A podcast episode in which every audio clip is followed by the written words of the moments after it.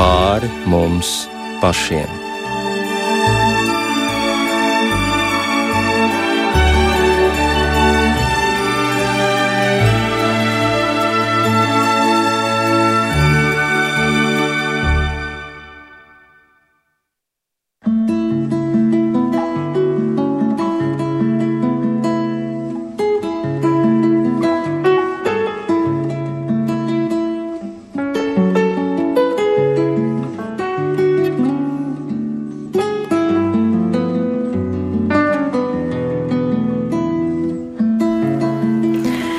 Esiet sveicināti raidījumā pāri mums pašiem, lai ir slavēts Jēzus Kristus. Studijā Inte Zēgnere par skanējumu rūpējas Kristaps Eida, bet mūsu raidījuma viesis ir mācītājs Ivars Jēkabsons. Labvakar! Labvakar! Pirmkārt, mēs veicam visus tētus tēva dienā, un arī tevi, protams, un Paldies. tavu ģimeni, un arī tavu sievu Martu un jaunāko paudzi. Bija pat mums tāda doma, ka varētu šeit visi pulcēties studijā, un tas būtu gandrīz tīri atbilstoši arī šī raidījuma tematam. Bet jāteic, ka tēva dienu jūs jau sākāt svinēt ceturtdien, jo ceturtdien Rīgas doma kapitulu zālē Iznāca un savus atklāšanas svētkus piedzīvoja jauna grāmata, kuras autors ir Ričs Malheims. Šai grāmatai ir ļoti neparasts nosaukums - Dievs pidžamā.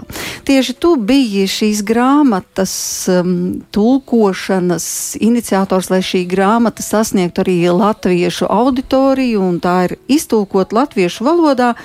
Bet pirmkārt jau par šo nosaukumu un arī par ideju. Nu, tas skan ļoti neparasti. Nu, pirmkārt, jāpiebilst, ka grāmatas oriģināls ir uh, Holding Your Family Together, kas nozīmē, kā satuvināt tavu ģimeni. Bet latviešu valodā mēs meklējām mazāku vārdu skaitu nosaukumam, un es izmetu uz galda kādus 25 variantus, ieskaitot ģimenes piecaplis vai kaut kas tāds, nu, jo šeit ir runa par pieciem principiem, principiem attiecību veidošanā, komunikācijā. Bet tad, kad es pateicu tādu nosaukumu Dievs pidžamā, Uh, tur visiem iemirdzējās acis. Oh. ir vēl kādi uh, cilvēki, kas īsti nesaprot šī termina nozīmi, tad uzreiz gribu skaidrot, ka tā nav jauna teoloģija par Dievu. Tas ir stāsts par attiecībām. Nu, ļoti personīgais viss tā stāv tas, ka mēs, kas ar saviem bērniem kopš viņu piedzimšanas, esam pat pirms piedzimšanas kaut kā iesaistījuši emocionāli šajā komunikācijā, ieskaitot lūgšanu, ieskaitot kopīgu lasīšanu, dalīšanās, ka pēkšņi tu kaut kādā brīdī saproti, ka tur tajā vakara rutīnā, rituālā, vakara aplī, tev bērns nāk pretī sniedzis, un tāpat kā tu viņu svētīs, viņš sāk svētīt tevi. Un es tā piedzīvoju, ka manas meitiņas, gan viena, gan otra, tādā veidā atgādina man par to, kā Dievs pieskaras tev caur tavu bērnu kurš pidžāmā nāk tev pretī. Un ir tāda līdzība Bībelē par avīm un nāžiem, kur Jēzus stāsta, ka pastarā tiesā kungs jautās uh, viņiem atbildību par to, kā viņi ir dzīvojuši. Un ko jūs man esat darījuši vai nedarījuši, tas izšķirs jūsu to likteni. Un kad mēs tev esam redzējuši, jautās tie cilvēki neizpratnē. Viņš saka, nu tad, kad jūs bijāt pie tā slimnieka, nabagā, pie slimā, kad jūs paēdinājāt izsalkušo un padzirdinājāt izslāpušo. Un uz šīs pašas līdzības pamata mēs patiesībā redzam, cik dziļa var būt šīs uh, grāmatas Dievs pidžāmā nozīme. Proti, ka kur tad vēl vairāk kā ģimenē, kurā tiek veldzētas slāpes pēc mīlestības un pēc dieva, vēl vairāk mēs sastopam to Jēzu. Jēzu, kurš tagad sniedzas pie tevis caur satikšanos ar tavu bērnu, ar tavu sievu, ar tavu vīru pidžamā. Jeb vienkāršāk būtu teikt, mājas drēbēs vai mājas ikdienas solī, Dievs nāk pie tevis tavā ikdienā. Dievs nu, pidžamā. Jā, nu, bet jūs jau visu to paši bijāt uh, empiriskā ceļā atklājuši un piedzīvojuši. Tad kāpēc bija nepieciešama šī grāmata un arī kā tu sastapi šīs grāmatas autoru, kā tu atradi šo cilvēku, kurš ir gan neiroloģis, gan psihologs, gan mācītājs, gan semiotikas mūziķis, speciālists, gan mūziķis, kurš ir izdevis 24 albumus, sarakstījis 39 grāmatas. Cits starpā Rokoperu Luters. Un Jā. vēl to es arī nezināju. Nu, tad vienmēr sakot, viņš ir tāds cilvēks orķestris, bijis ir. vairāk nekā simts valstīs. Varbūt varētu raksturot, kas tad ir Ričs Melheims? Nu, viņš uzaudzis vienā izcilā ģimenē, mācītāja un skolotājas bērns, kuriem mājās ir bijuši izcila vakara rutīna, kurā ir bijuši šie stāsti, šie dalīšanās, lūkšanas. Nu, varētu teikt, līdzīgi kā mūsu Krišāns Barons, kurš par savu bērnību stāsta, ka viņiem bija tie saucamie pāteri. Nu, tautā tas jēdziens pāteris skan ļoti liekulīgi, bet īstenībā tur aiz tā visa ir tāds tā saucamais vakar rituāls, kas formē, kas veido vienu gaišu, tīru, talantīgu personību, kuri spējīgi jau no mazām dienām reflektēt atšķirt labo no ļaunā, pateikties par labo, aizlūgt par problēmām un ieraudzīt, cik plaša patiesībā ir pasaule caur šo saskarsmi mājās ar tuvāko un ar Dievu. Jā, bet es tomēr nesaprotu, vai jums kaut kas pietrūka jūsu vakara rituālā? Vai arī vienkārši notika pēkšņa sastapšanās ar šo Riču Melheimu, un jūs sapratāt, ka vēl kaut ko ir iespējams bagātināt, un vēl kaut ko Latvijas ģimenēm, un it īpaši varbūt tēviem, ir iespējams iedot šādā veidā, sniedzot padomus, kā teikšu, padarīt dzīvi interesantāku saviem bērniem. Jā, es teikšu to pašu, ko atzīst virkne ģimeņi, kur ir praktizējuši šo, šo piecu soļu komunikācijas metodi, ka mēs jau intuitīvi to kaut kā darījām, bet šis iedeva struktūru. Uh, bet uh, tad, kad es pirms pieciem gadiem vēl biju Latvijas evanģēlas Lutriskās baznīcas svētdienas skolas nozares vadītājs, mēs secinājām, ka mums virkni lietas labi darbojas, bet ir viens tāds milzīgs nepiepildīts caurums. Pirmkārt, mums ir labas programmas priekš skolotājiem, labi palīgi materiāli, kuri jau tiek izdoti priekš metodikas, strādājot ar bērniem baznīcā. Bet ko darīt ar vecākiem? Vecāki tad nepiedalās. Tas tā saucamais darbs ar vecākiem palika kaut kur gaisā. Un tad, kā, kā saka, kur gadījās, kur ne, viens labs Latvijas draugs. Uh, Roberts Kastro, jeb mēs viņu saucam par Bobu, kurš gandrīz reizi gadā brauc uz Latviju, gandrīz jau runā latviešu. Uh, bijušais jurists, tagad arī garīdznieks, nu jau pensionēts. Viņš sacīja, jums vajag šito, jums vajag riču. Un tā 17. gadā mēs uzaicinājām viņu uz, uz konferencēm Latvijā. Saldu un Rīgā noturējām šīs konferences, un viņš stāstīja par šīm lietām, par šo piecu soļu metodi, kas ir izaugusi patiesībā no viņa bērnības, un beig beigās tas izaug no Bībeles, izaug no katehisma, no dievkalpojuma būtības. Viņš vienkārši sacīja, ka es gribētu būt labākais tēvs pasaulē, un es saviem bērniem gribu dāvināt vislabāko laiku mūsu starpā un ar Dievu. Un tad, kad mēs aizbraucām jau ar mūsu ģimeni, ar mazo jau tikko piedzimušo Sofiju un ar sievu uz viņu konferenci Amerikā, tad es jau tur 18. gadā runājot sacīju, ka nu, šī mācību grāmata, kas skaidro paplašināti dažādos aspektos šo uh, piecu soļu ieguvumu, kas patiesībā nekas jauns nav, bet nav neviens tā varbūt iedziļinājies vairāk, ko tas īsti dod, kas tas ir. Um, Tad es teicu, nu, šīs grāmatas izdošana ir tikai laika jautājums. Un vajadzēja četrus gadus. Pa vidu vēl ir Covid laiks, pa vidu vēl tulkotāja meklējumi. Un šī gada sākumā, kad es uzzināju, ka doktors Ričs būs septembrī Latvijā, es sapratu, viss. Tam ir jāpieliek punkts, tas ir jāpabeidz. Un pat īsti nezinādams, kā no kura gala tam ķerties, mums jau bija gatavs tulkojums atlika tikai novest līdz drukai. Un jāsaka, Māra Zviedra ir fantastisku tulkojumu veikusi, pat atzējusi, atzējojusi virknē. Tur dzīslis lidojumu, kas ir grāmatā minēti dažādās nodaļās, šo mācību grāmatu vienlaikus stāstu virknējumu, kā pati filoloģija, kas rediģēja tekstu, pēc tulkojuma sacīja, ka nu, šī grāmata lasās no vāka līdz vākam. Viņš ir fantastisks stāstnieks. Kad viņa atklāšanas dienā pati satika Riču, kurš uzstājās, un Intu, tu jau viņu arī dzirdēji klātienē.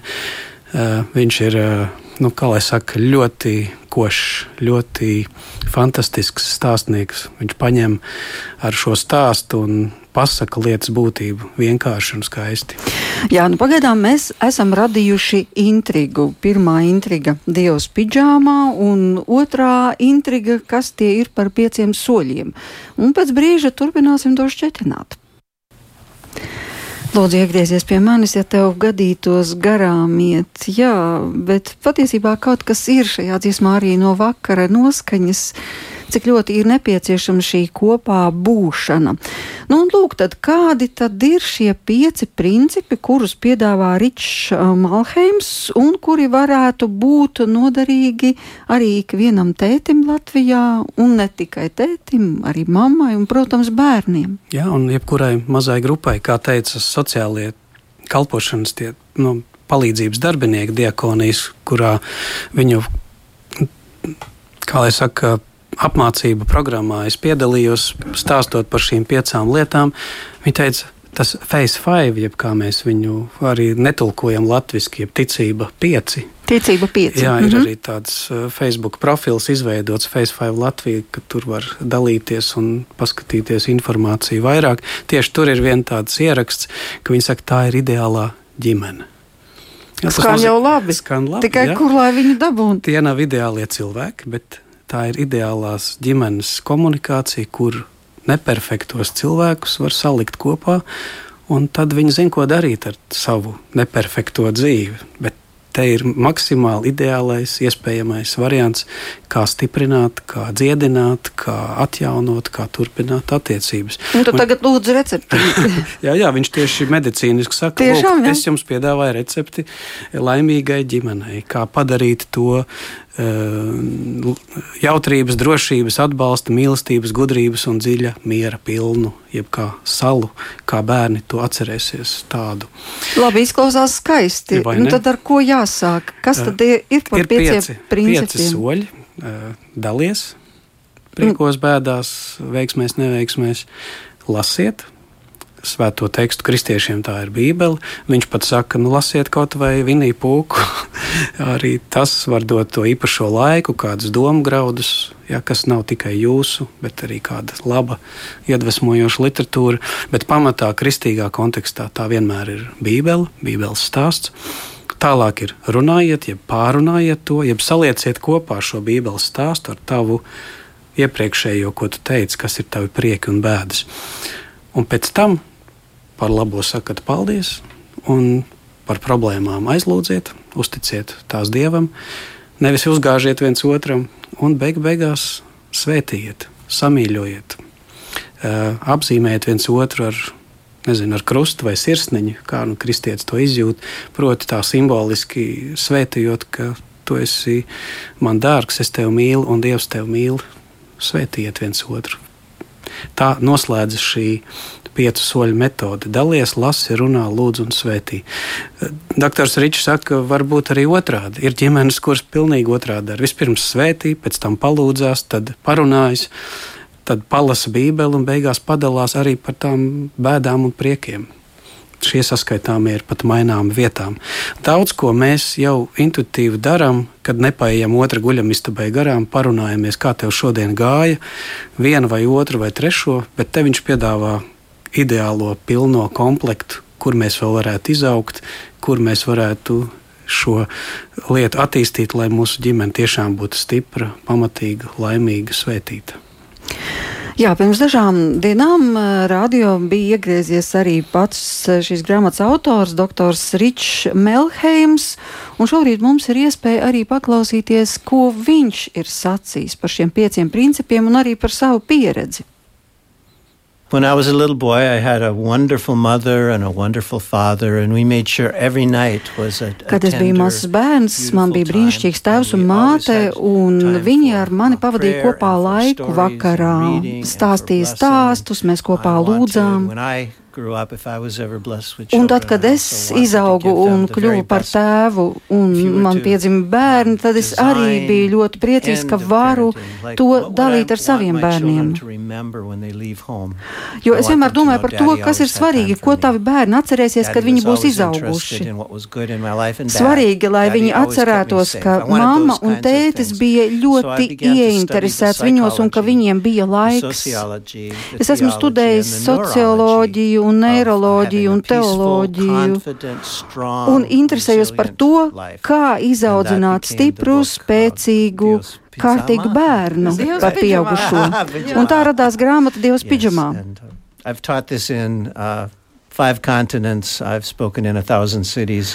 Es esmu par to runājis visos kontinentos, simtiem dažādās pilsētās. But what can you give the child now un bērni izaugs, bet ko jūs varat dot viņiem šobrīd, lai viņi izaugtu par spēcīgām personībām? Un tad izrādās, ka šie pieci punkti ir ļoti svarīgi, un tos ir jādara regulāri katru vakaru here is something more than, than just to read book together. Bet es domāju, ka te ir kaut kas vairāk nekā vienkārši lasīt grāmatu kopā. To, ir jau labi arī grāmatu vakarā kopā palasīt, piemēram, kādu pasaku. Jā, protams, tas ir labi, jo tas attīsta iztēli. Uh, bērns apgūst vairāk vārdus. Arī viņi iemācās, kā risināt problēmas. Tas ir ļoti veselīgi bērnam, ja tu lasi viņam vakarā.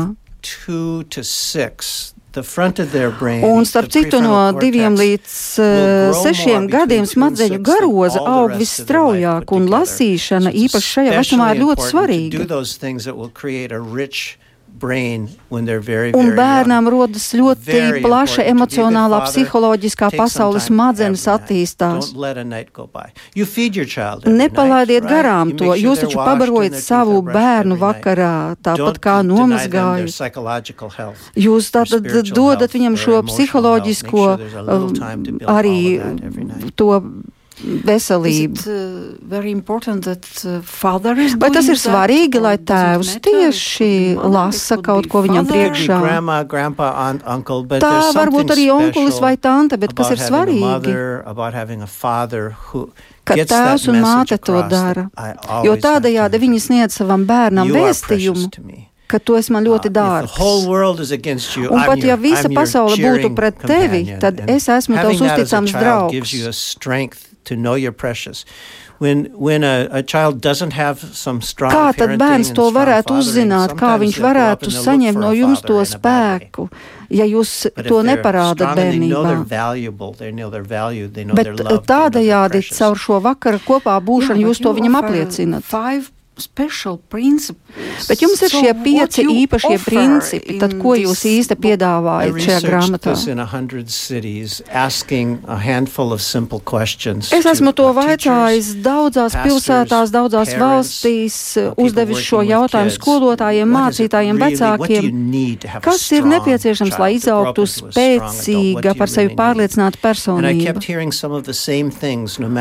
Un es saņēmu viens un tās pašas atbildes, lai kāda valsts tas tā arī būtu. Vecāki sacīja, es gribētu, ka tad, kad manam bērnam ir kādas problēmas,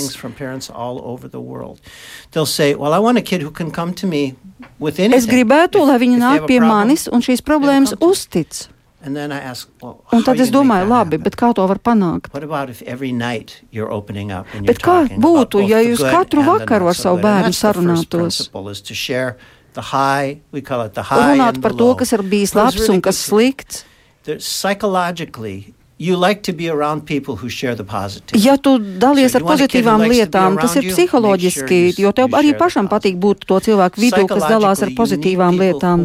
Bet, ja gribi, lai bērns uh, vēlas būt kopā ar tevi, tad dalies ar pozitīvajām lietām. Un tāpat arī tev ir nepieciešami cilvēki, kas spēj uzklausīt, tad, ja tev kaut kas sāp.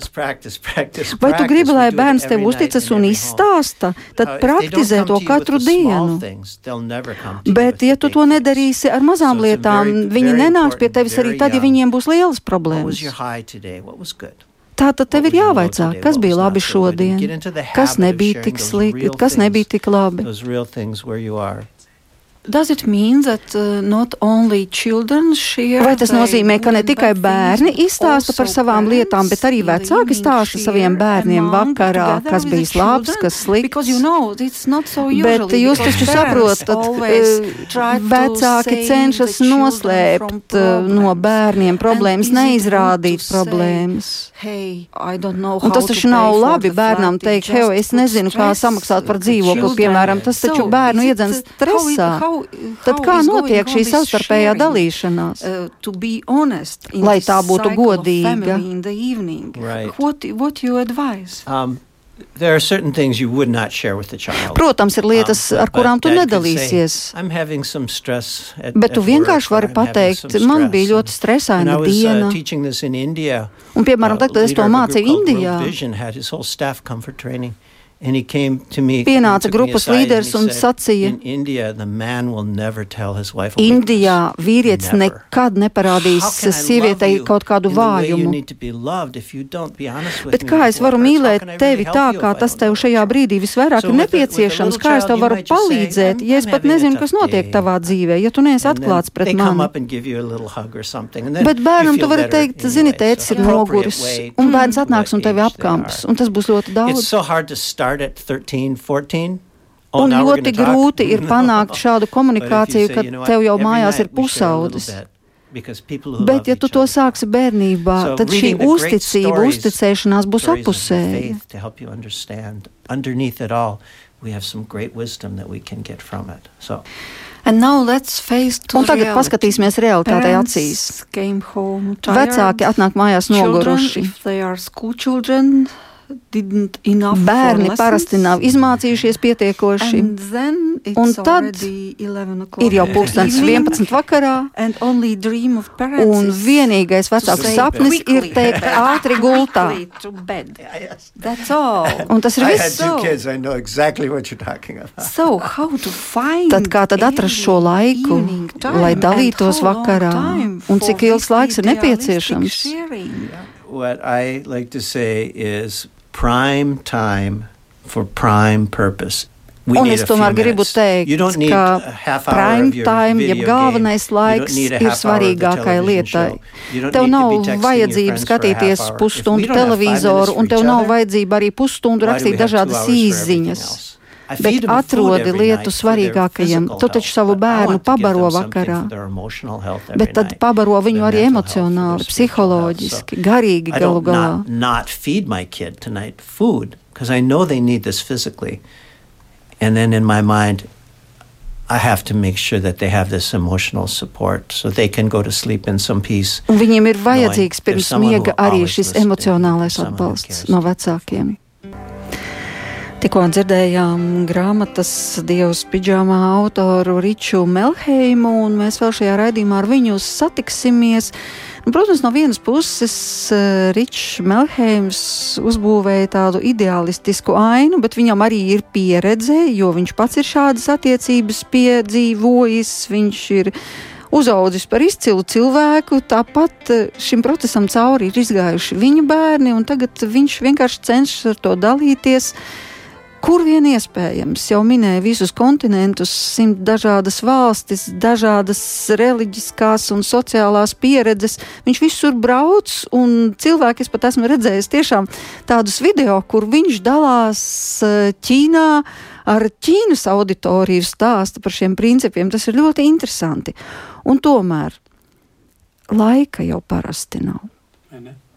Laika nav vakarā, cilvēki ir noguruši, vecāki ir pārstrādājušies, nav vairs to iekšējo resursu, lai spētu kaut ko dot saviem bērniem. Tā ir problēma. Bet ko viņš saka eh, šajos savos ieteikumos, ka tas tev ir jādara katru vakaru.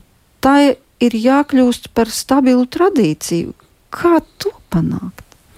Es gribētu arī sev atgādināt, ka jēdziens nav laika, nav laika svarīgajam, tā ir atruna. A, tā ir atruna. Tā ir jā? atruna. Jā, tā ir atruna.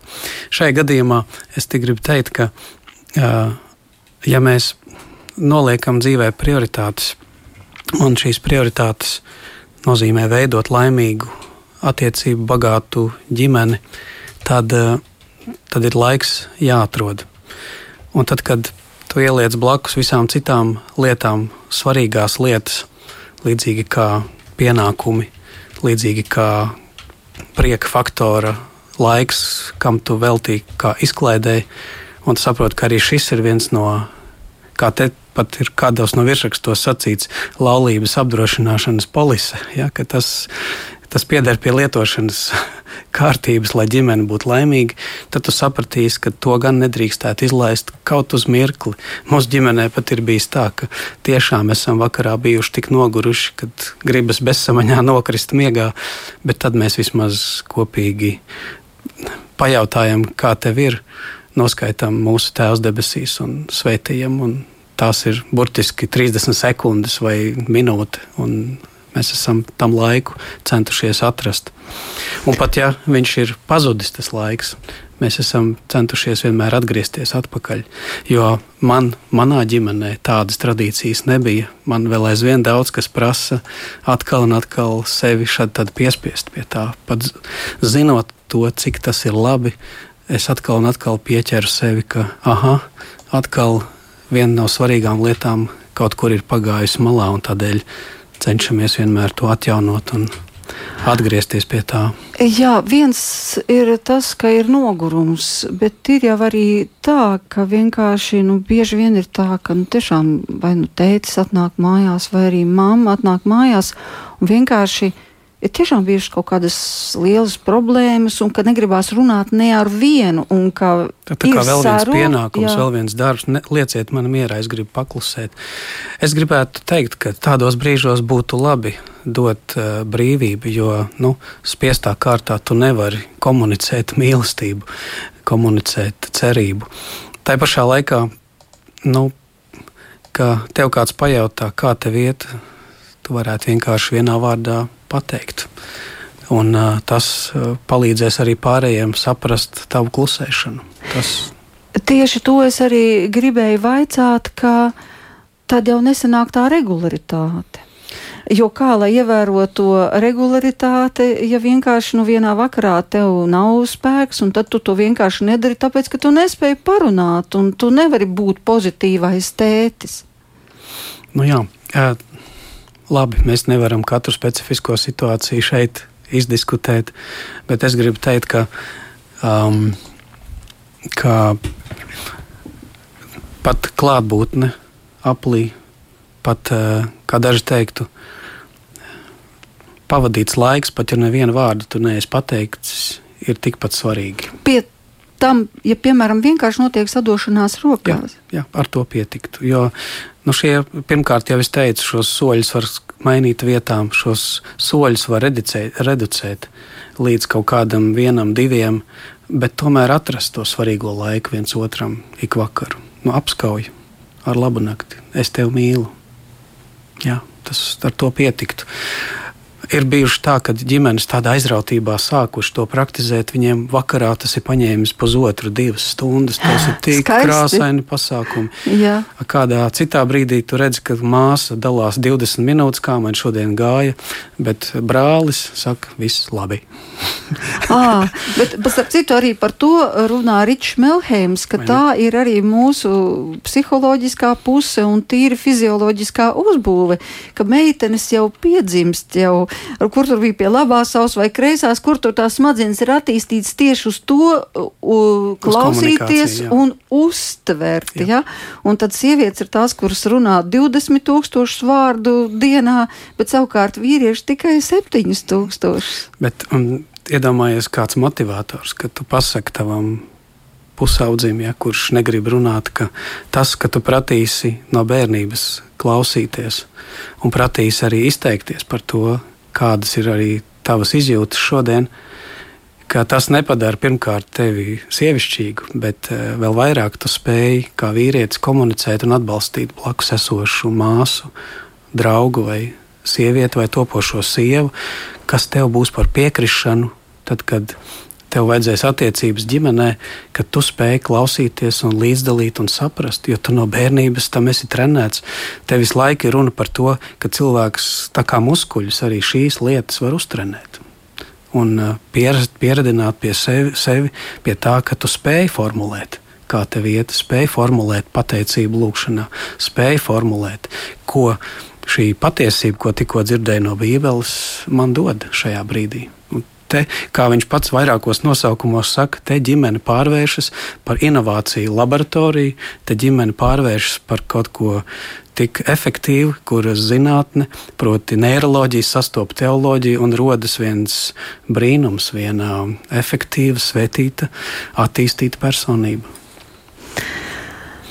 Jā, mēs droši vien vēl arī varētu paklausīties Riču Melheimu un um, tās viņa atziņas par to, tu minēji, jā, šī pozitīvā, spēcīgā personība, uh, es tā jūtu, ka viņš ļoti mīl Latviju, jo jau vienreiz viņš šeit ir bijis, un arī tas veids, kā viņš dalījās eh, ceturtdien būdams šeit un sastopot daudzus cilvēkus domā kapitulu zālē, varēja redzēt, ka viņam ir ļoti svarīgs arī Latvijas liktenis. The body can be no healthier than the cells, and I don't think the country can be any healthier than Cilvēka ķermenis ir tik vesels, cik viņa šūnas, un es domāju, ka valsts ir tik stipra, cik stipras ir ģimenes, jo tās ir jūsu valsts pamatšūnas. Un ja gribat, lai 2030., 40. vai 50. gadā jūsu valsts būtu stipra, tad vecāki, kuri šobrīd audzina mazus bērnus, atcerieties, ka no jums ir atkarīga Latvijas nākotne. I'm holding a cell phone right now. Redziet, tagad mums visiem ir mobilie telefoni, bet vēl pirms 30 gadiem mobilais bija gandrīz vai kā kosmiskā raķete. Agrāk vajadzēja veselu istabu, lai tur novietotu datoru. Un nākošais tehnoloģiju līmenis būs metavers. Es, piemēram, 1. oktobrī runāšu Dubajā, nākotnes muzejā par uh, metavers izglītību. Iedomājieties, pirms kaut kādiem 40 gadiem, ja tev kāds saka, tev vajag jāuzraksta e-pastu, tev atbildi ir, kāpēc vispār man ir vajadzīgs e-pasts, lai raksta man vēstuli un līmē marku. Bet redziet, šīs tehnoloģijas ļoti strauji attīstās. Un ziniet, būs pienāks laiks, kad jūsu radiostacijā, piemēram, virtuāli ieradīsies viesis no Zimbabves un jūs varēsiet ar viņu komunicēt, skatīt skatīties viņam virtuāli acīs un pat ieliet virtuālo kafiju, un šī virtuālā kafija smaržos. Jūs spējat iedomāties šo līmeni? Un, ziniet, protams, tas bija diezgan negatīvs laiks ar visu pandēmiju un covidu, bet ko cilvēki iemācījās gan? Iemācījās savstarpēji komunicēt arī caur zūmu, dalīties. Un redziet, šī attīstība notiek ļoti strauji. Vispirms e-pasts, pēc tam šīs uh, websites, tātad mājaslapas dažādas. Bet metafērs dos iespēju dažādās vietās esošiem cilvēkiem miedarboties. Piemēram, viņi gribēs mācīties bērni ķīniešu valodu, hop, un viņi jau ir Ķīnā. Viņi gribēs uzzināt par asinsriti. Hop, viņi jau ir šajā asinsrita sistēmā un var to izpētīt.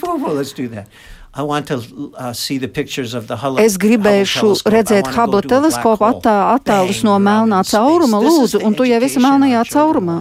Lūk, tā būs izglītība, kādu sāks iegūt šie bērni. Un lielākā daļa no darbiem notiks virtuālā pasaulē. Tur būs viņu draugi, tur būs attiecības, bet tur būs arī pornogrāfija un daudzas citas sliktas lietas in a 3D holographic uh, AR, VR world as they are, as you are right now. Un lielā mērā viņi dzīvo šādā hologrāfiskā pasaulē. Kā jūs sagatavosiet viņus šai iluzorajai pasaulē, ja viņi nezinās īsto pasauli, īstās attiecības? Kā jūs viņus sagatavosiet šīm īstajām mīlošajām attiecībām, ja viņi būs dzīvojuši virtuālā pasaulē kopš bērnības? Ir nepieciešams katru vakaru šis kopā pavadītais laiks, lai viņi zinātu, kas ir īstas attiecības attiecības, attiecības kurās cilvēki mīl viens otru. Un pat ja jūs neticat Dievam, jūs taču vakarā varat pa kaut ko labu pateikt savam bērnam. Sakiet kaut ko labu skaļi, jo vārdam ir spēks. problem tomorrow. I'm so thankful that you had this good time.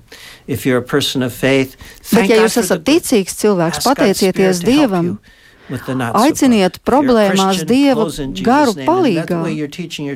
Un tādā veidā tu iemācīsi savam bērnam risināt problēmas.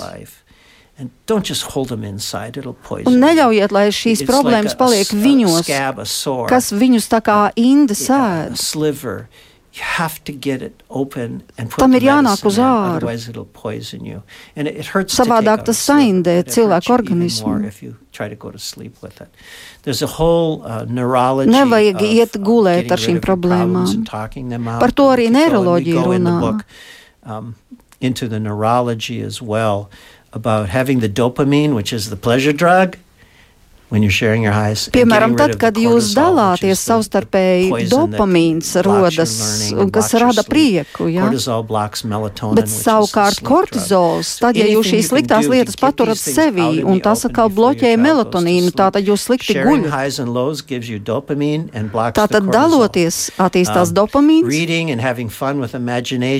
tāpat lasīšana arī dopamīns, bet noslēgšanās sevī tas ir kortizols. Savukārt sarunāšanās. Like tātad, jūs saprotat, jūs dodat savam bērnam par brīvu vitamīnus. Nu, lūk, tā mums stāstīja Tā mums stāstīja Ričs Melheims eh, jau no tādas gandrīz vai medicīniskās puses, kas notiek tad, kad mēs dalāmies. Jā, es taisnīgi uh, brīnos par to, ka um, medicīna jau sen atklājusi šos psiholoģiskos momentus, ko da, dod šī laba komunikācija. Un, uh, bieži vien taisni redzam, ka kristieši paši to, kas ir rakstīts Bībelē, ko, kas ir ieteikts labām, garīgām attiecībām ar Dievu un tuvāko, paši bieži vien to nenovērtē un e, neierauga.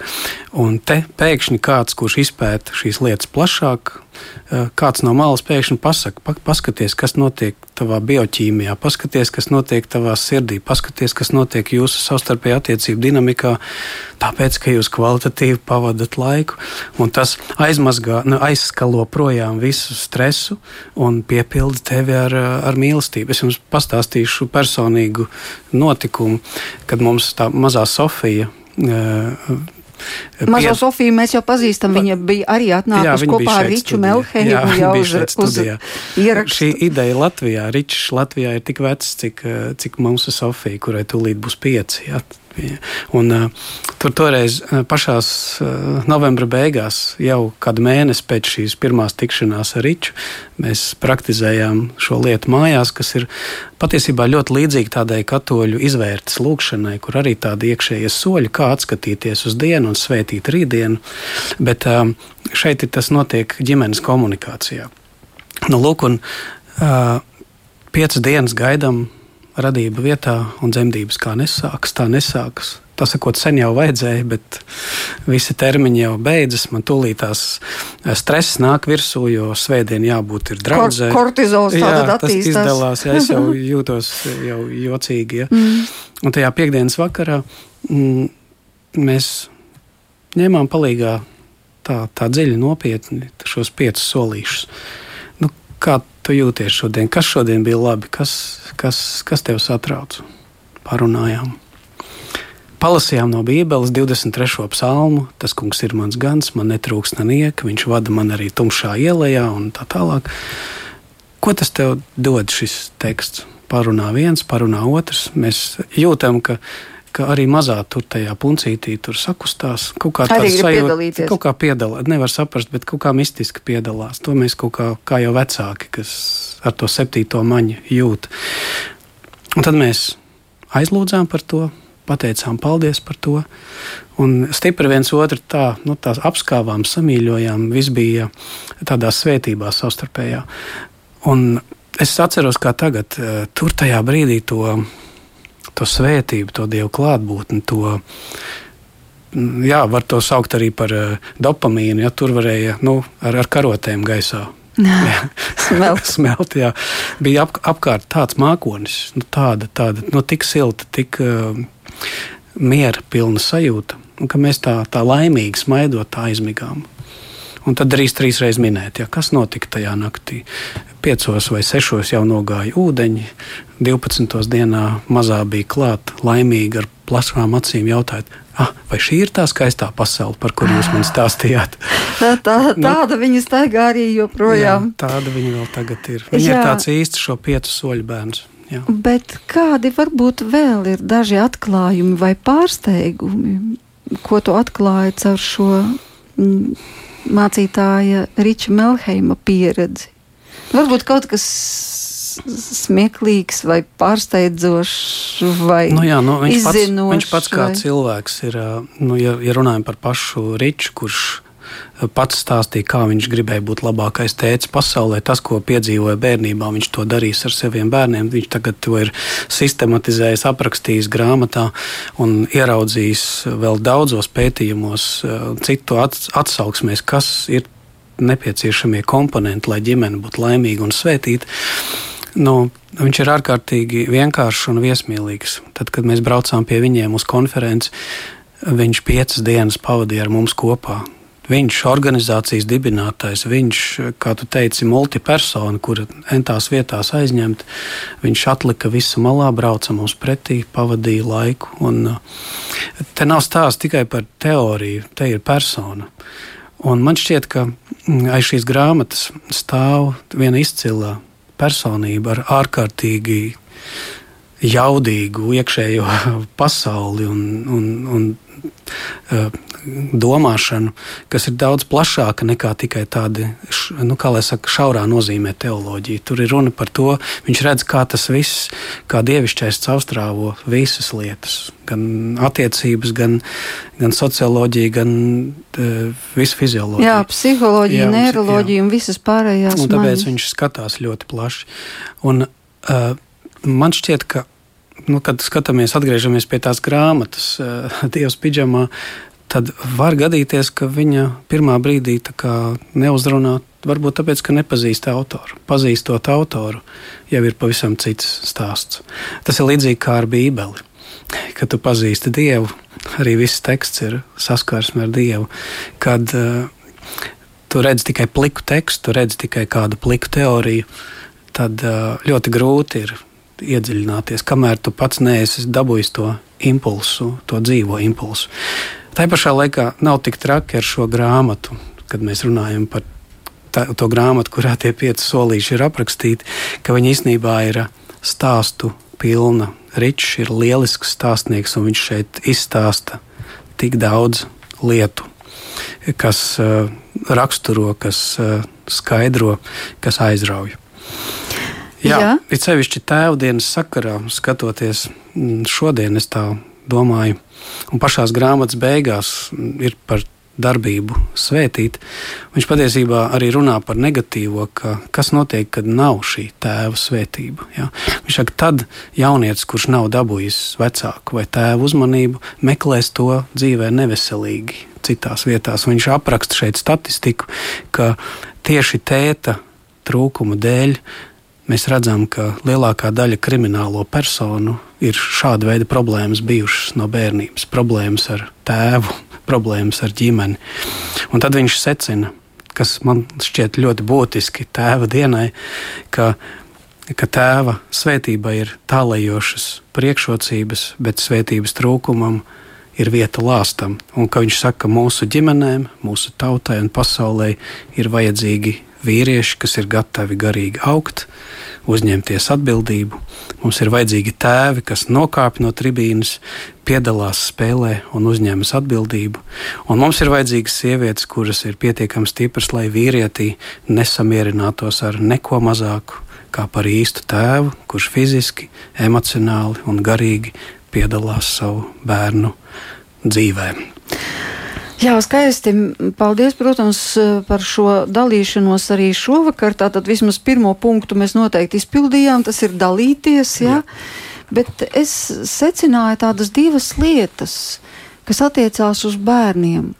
Par to, ka ļoti, ļoti svarīgi viņiem ir just to, ka aiz viņiem stāv tētis un mamma, un ka tētim un mammai ir laiks priekš viņiem. Jā Un, ja tas laiks ir katru vakaru, katru vakaru, katru vakaru, tas viņos ieliek ļoti lielu stabilitāti visai turpmākajai dzīvei. Tas ierakstās tā kā cietajā diskā.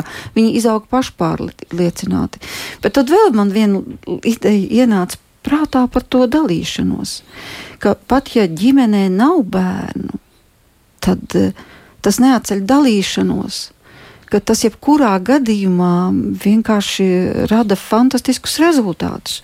Un pat ja tu dzīvo viens, arī tas neatceļ dalīšanos, tāpēc ka tu vari padalīties savos pārdzīvojumos ar Dievu un arī tam būs svētība. Absolut. Tātad šī dalīšanās vispār ir pat daudz plašāka nekā tad, ja tev ir bērnu pulciņš, kādi pieci, un tad jūs kaut kā sanākat kopā. Jā, es piekritīšu, ka tā dalīšanās nav tikai tāda vienkārša atskatīšanās uz dienu, bet tieši svarīgs ir arī tas plašākais konteksts, kuru, kurā pat cilvēki līdzās nav vienīgie, kas to dzird un kas tevi var atbalstīt. Kad ļoti būtisks ir šis transcendentālais faktors, ka mēs nevis uzgāžam citam savus bēdas. Ja?